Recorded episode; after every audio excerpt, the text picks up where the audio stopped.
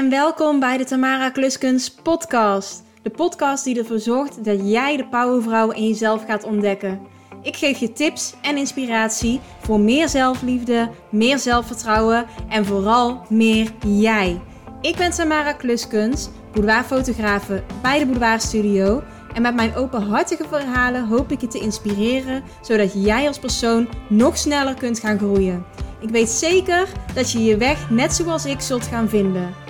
Tja, waar wachten we eigenlijk nog op? Het is tijd voor actie.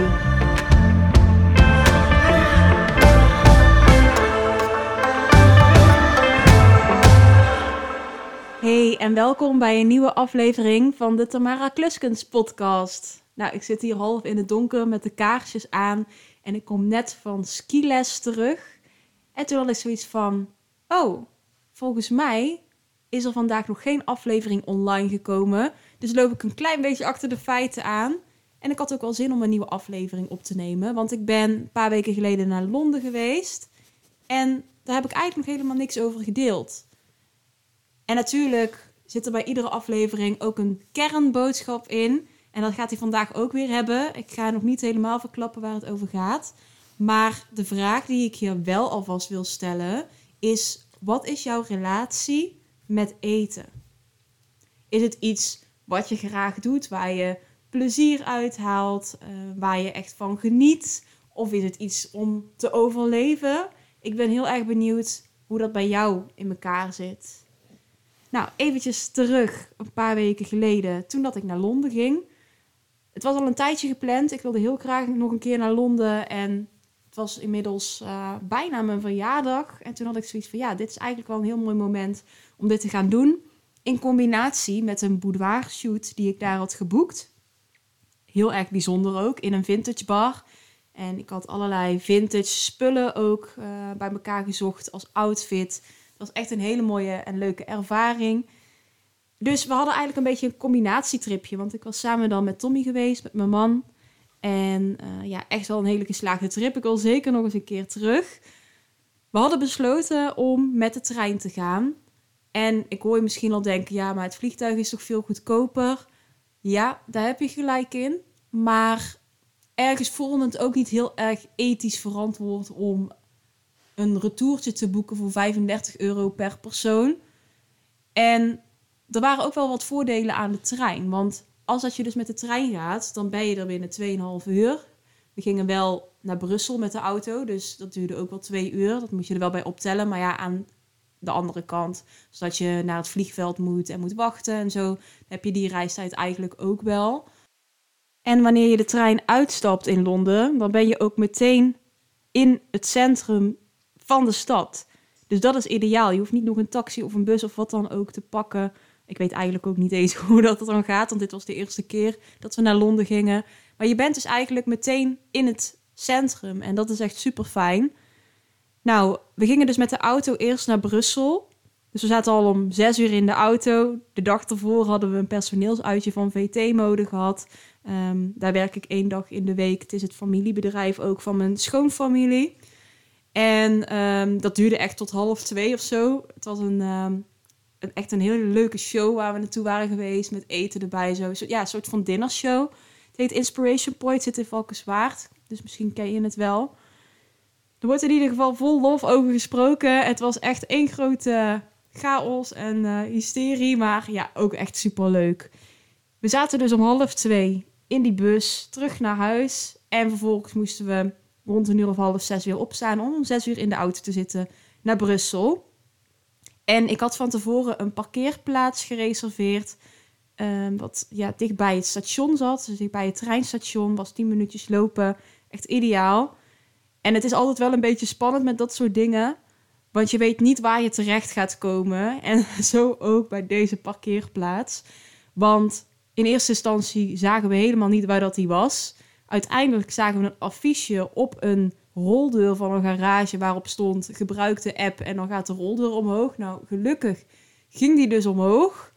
We rijden naar beneden. Super krap. Allemaal auto's stonden daar geparkeerd en eigenlijk was er niet echt plek.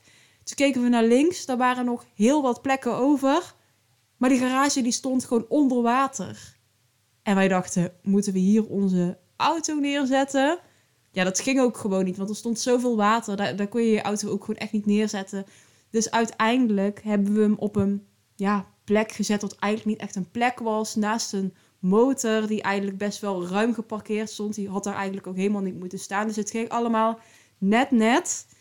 En toen wilden we dus naar buiten lopen. En dan moest je ook weer met de app de roldeur omhoog doen. Maar ik had geen bereik. Dus de roldeur die ging niet omhoog. En we hadden zoiets van, oké, en nu? Wat moeten we nu doen?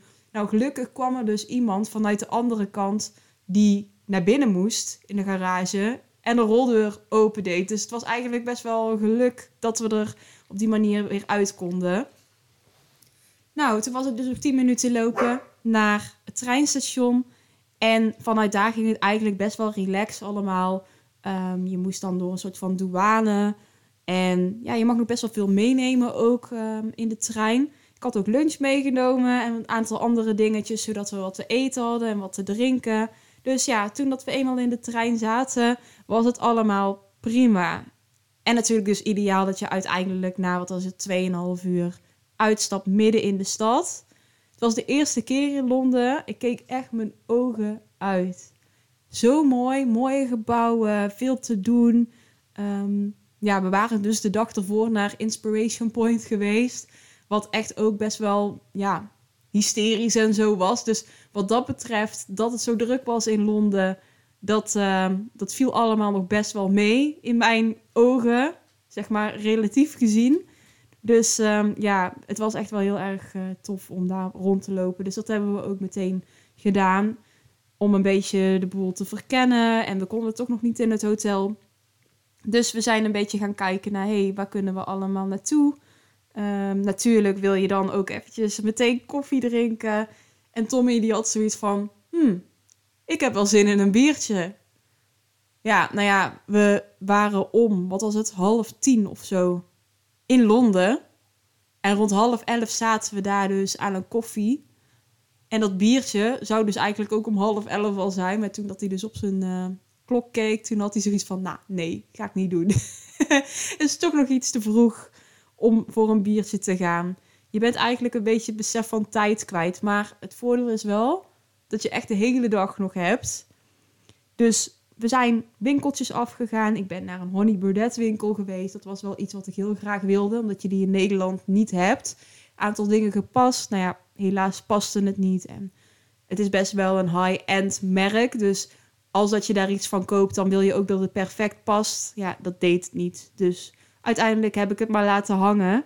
Maar het was wel heel leuk om dat eens een keertje mee te maken. En ja, verder vooral een beetje dus winkeltjes kijken, straten kijken, gebouwen kijken. En een aantal trekpleisters hebben we ook gehad, zoals de Tower Bridge en ehm, ja, nog een aantal andere dingetjes. We zijn naar een musical geweest ook, heel bijzonder, Moulin Rouge, in het Piccadilly Theater. Was echt heel erg mooi, ook het decor, daar kijk ik altijd mijn ogen uh, uit alles wat er gemaakt is. En ook de transities in het decor en zo. Eigenlijk meer dan het verhaal. Ja, voor mij gaat het echt om het ontwerp en de vormgeving en hoe dat alles in elkaar overloopt. Dat vind ik echt super mooi om te zien. En natuurlijk draait een tripje of een vakantie of wat dan ook ook om eten. En ja, dat, ehm, dat vond ik best wel lastig. Want op heel veel menukaarten daar staan de calorieën erbij. En dan zou je denken, ja, wat geef je erom? Die calorieën, wat maakt dat uit? Nou, ik vind dat dus lastig omdat ik een periode heel erg streng op mijn voeding heb gelet. En eigenlijk heb ik daar nog steeds best wel last van op sommige momenten. Al helemaal als de calorieën achter ieder gerecht staan. Het begon bij eigenlijk mijn eerste boudoir fotoshoot. Toen uh, wilde ik een stok achter de deur voor mezelf. Dus ik had die boudoir fotoshoot geboekt. En ik wilde in mijn beste shape komen voordat die fotoshoot plaats zou vinden. Dus ik had iets van een half jaar, geloof ik, om in mijn beste shape te zijn. Het was een 12 weken programma wat ik daarna ging volgen. En dat deed ik vanuit een ja, bikini body gids. Zo, zo werd het genoemd. Iets in die trant. En daarin ging je dus zelfstandig 12 weken aan de slag om eigenlijk je hele levensstijl aan te pakken. Suikervrij eten, alles zelf bakken, dus ook crackers, tussendoortjes. Ehm, ja, om je een voorbeeld te geven, er was bijvoorbeeld een cake met courgette erin en uh, cacaopoeder, dus een soort van chocoladecake waar ook groente in verwerkt zat. Heel veel dingen moest je dus ook zelf bakken. Bijna geen koolhydraten zaten erin. Ja, ik noem het uh, maar een dieet. Zij noemen het een levensstijl. Maar er zaten dus bijna geen koolhydraten in. Alleen om 10 uur had je koolhydraten. En um, vijf dagen in de week sporten. En daarnaast ook de calorieën tellen. Nou, als ik dit zo allemaal opnoem, krijg ik het zelf ook weer een beetje benauwd. Maar het was iets waar ik ja, vastbesloten over was dat ik dat zou willen gaan doen. Dus als ik ergens mezelf in vastbijt, dat heb ik al wel eens eerder gezegd in een andere aflevering, dan ga ik er ook voor. Echt in het begin, de eerste twee weken, die waren best wel pittig.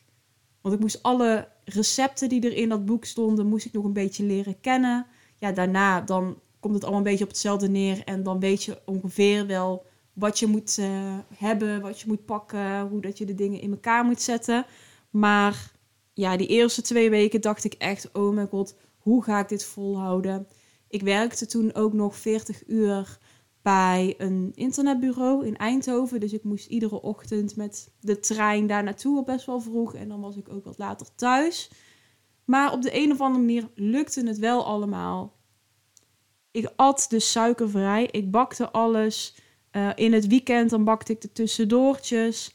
Ik uh, ja, deed ook veel aan meal prepping. Dus dingen klaarmaken voor een aantal dagen. En ja, het sporten ging ook best wel goed. Als dat ik dan in het begin thuis kwam van werk, dan ging ik eerst even eten koken. En als dat, dat dan klaar was, dan was Tommy nog een beetje tv aan het kijken. En dan was ik ondertussen aan het sporten thuis. En in een latere periode stond ik eerder op. Want toen was het ook volgens mij in de zomer. Dus um, dan is het ook eerder licht. Dus dan stond ik om zes uur op. Ging ik een uurtje sporten en dan uh, snel douchen en dan naar mijn werk. Ja, als ik dit zo zeg, ik denk echt van wow. ik had zoveel zelfdiscipline. Dat is nu een beetje ver te zoeken. Misschien komt het ook wel door de winter. Maar ja, ik ging er echt voor. Kijk, het had ook wel een leuke kant. Want nu lijkt het net alsof het allemaal keihard afzien was. Maar ik voelde me ook echt wel beter en energieker. Um, en natuurlijk, het resultaat was er ook na. Want je zag ook echt dat mijn lichaam veranderde. Dat ik spieren kreeg. Um, ja, dat het zich een beetje ging shapen, zoals ze dat noemen. En dat was natuurlijk wat ik ook wel wilde. Alleen ik was echt heel obsessief bezig met het schema, met het eten. Um, ja, en mensen zeiden ook tegen mij: Oh, wat knap. Dus je wordt er natuurlijk ook voor geprezen dat je het zo goed doet. En ik vond zelf ook dat ik het heel goed deed, maar het bracht ook heel veel stress met zich mee. Dus je had zeg maar het resultaat wat je wilde behalen en dat het dus goed ging. Maar aan de andere kant gaf het ook mega veel stress. Want ik kreeg paniek wanneer dat ik niet gezond kon eten. Dus als er bijvoorbeeld in het weekend een uitje was of dat je een keer uit eten zou gaan, dan was het voor mij echt al een soort van paniekmoment. Ik ehm, weet nog dat ik een keer met mijn ouders ging wandelen in het weekend in Tilburg. En toen hadden zoiets van, nou gaan we eventjes lekker ergens zitten in een um, cafeetje. Bestellen een stokbroodje met wat kruidenboter. En ik had dus gewoon in mijn jas, had ik een banaan en cashewnoten gestopt. Zodat ik zeker te weten om vier uur mijn tussendoortje kon eten. En dat was dus een banaan en cashewnoten. Denk maar niet dat ik van een stokbroodje gegeten heb. Maar toen we het ja, café uitliepen, pakte ik gewoon meteen een banaan erbij en, die nootjes. Want ik had natuurlijk wel honger. En zo waren er ja, verschillende momenten op een dag waarop je moest eten. Dus om 7 uur, om 10 uur, om, wat is het? Ja, 1 uur dan, 4 uur en uh, eh, 7 uur. En dat waren dan de zes, e vijf eetmomenten op een dag. En dan had je nog s'avonds ook nog een uh, soort van tussendoortje. En ik hield me ook heel strikt aan die tijden. En ik werd ook een beetje zenuwachtig van als ik zag dat ik die tijden niet zou gaan halen. Of dat het toch anders zou lopen.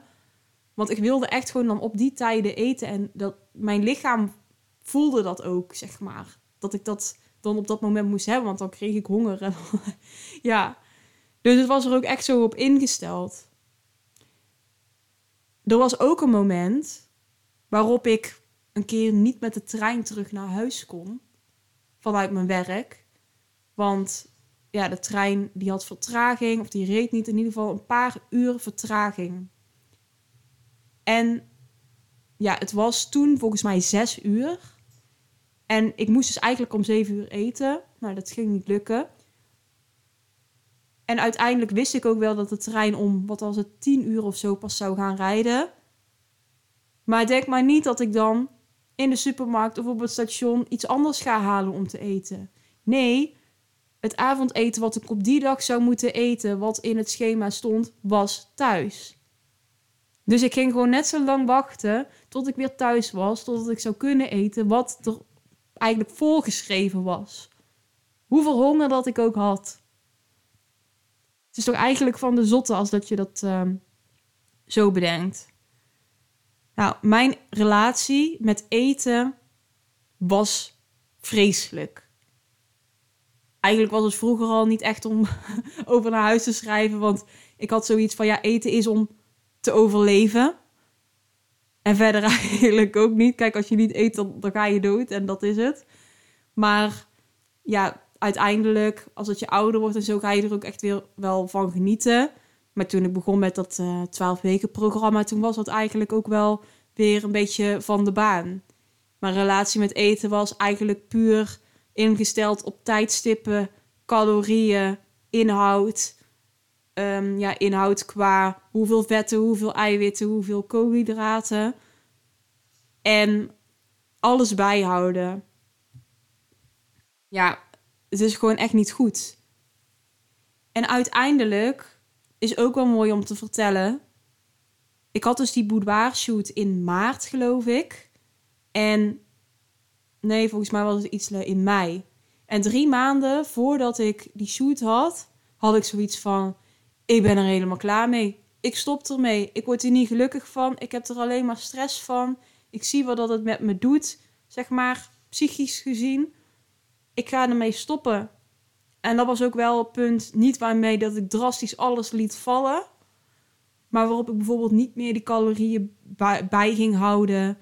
Ehm, ja, ook mezelf een keer dat momentje gunde om uit eten te gaan zonder stress. Om Ehm, te kunnen kiezen wat dat ik zou willen. Ook al was het nog best wel lastig.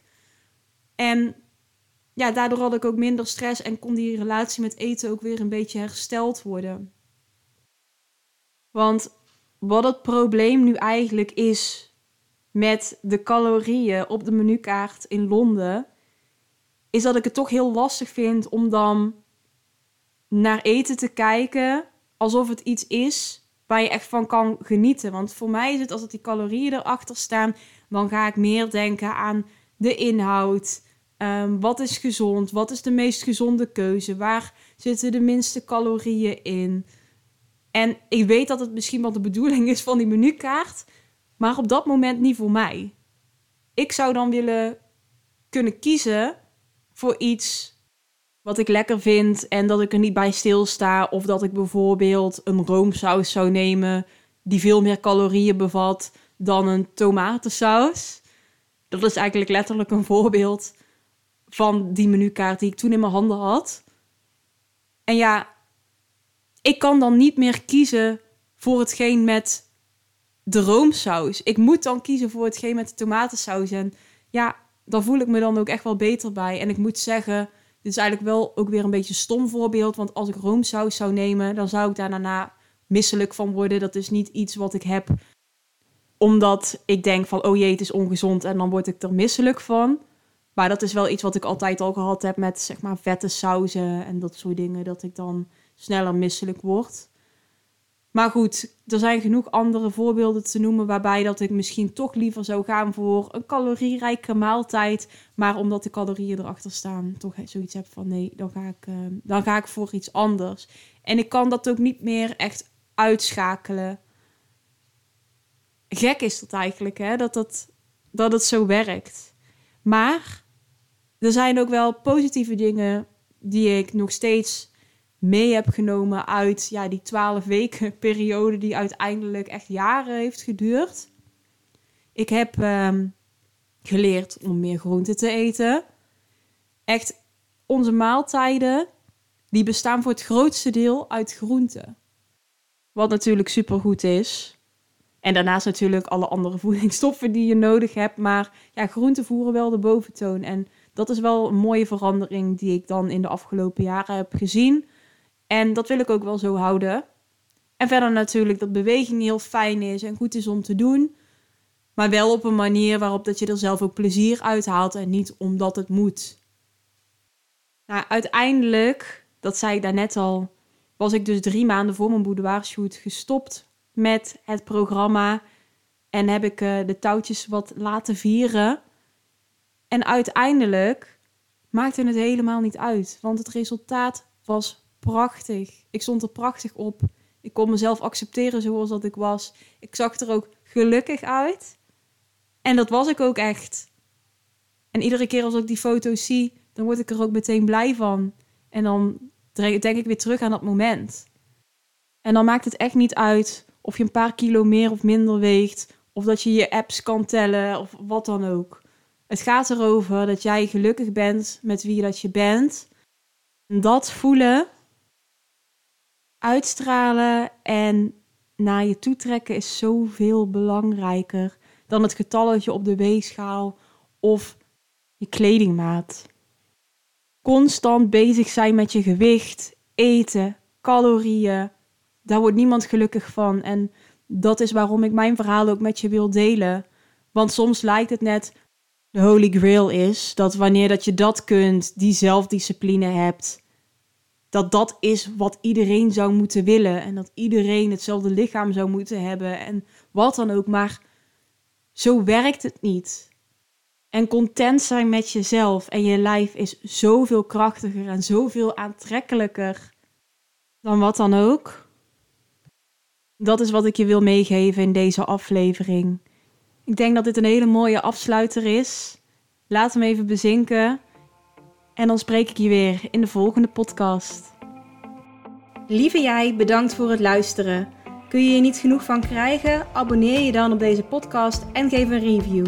Je kunt me vinden via mijn website, deboudoirstudio.nl of volg me via @deboudoirstudio op Instagram en TikTok en deel mijn podcast en je stories. Samen kunnen we nog meer mensen inspireren en daarnaast ben ik heel benieuwd wie er luistert en of je er iets aan hebt gehad. Ik wens je een fijne ochtend, middag of avond en tot de volgende. Doei doei!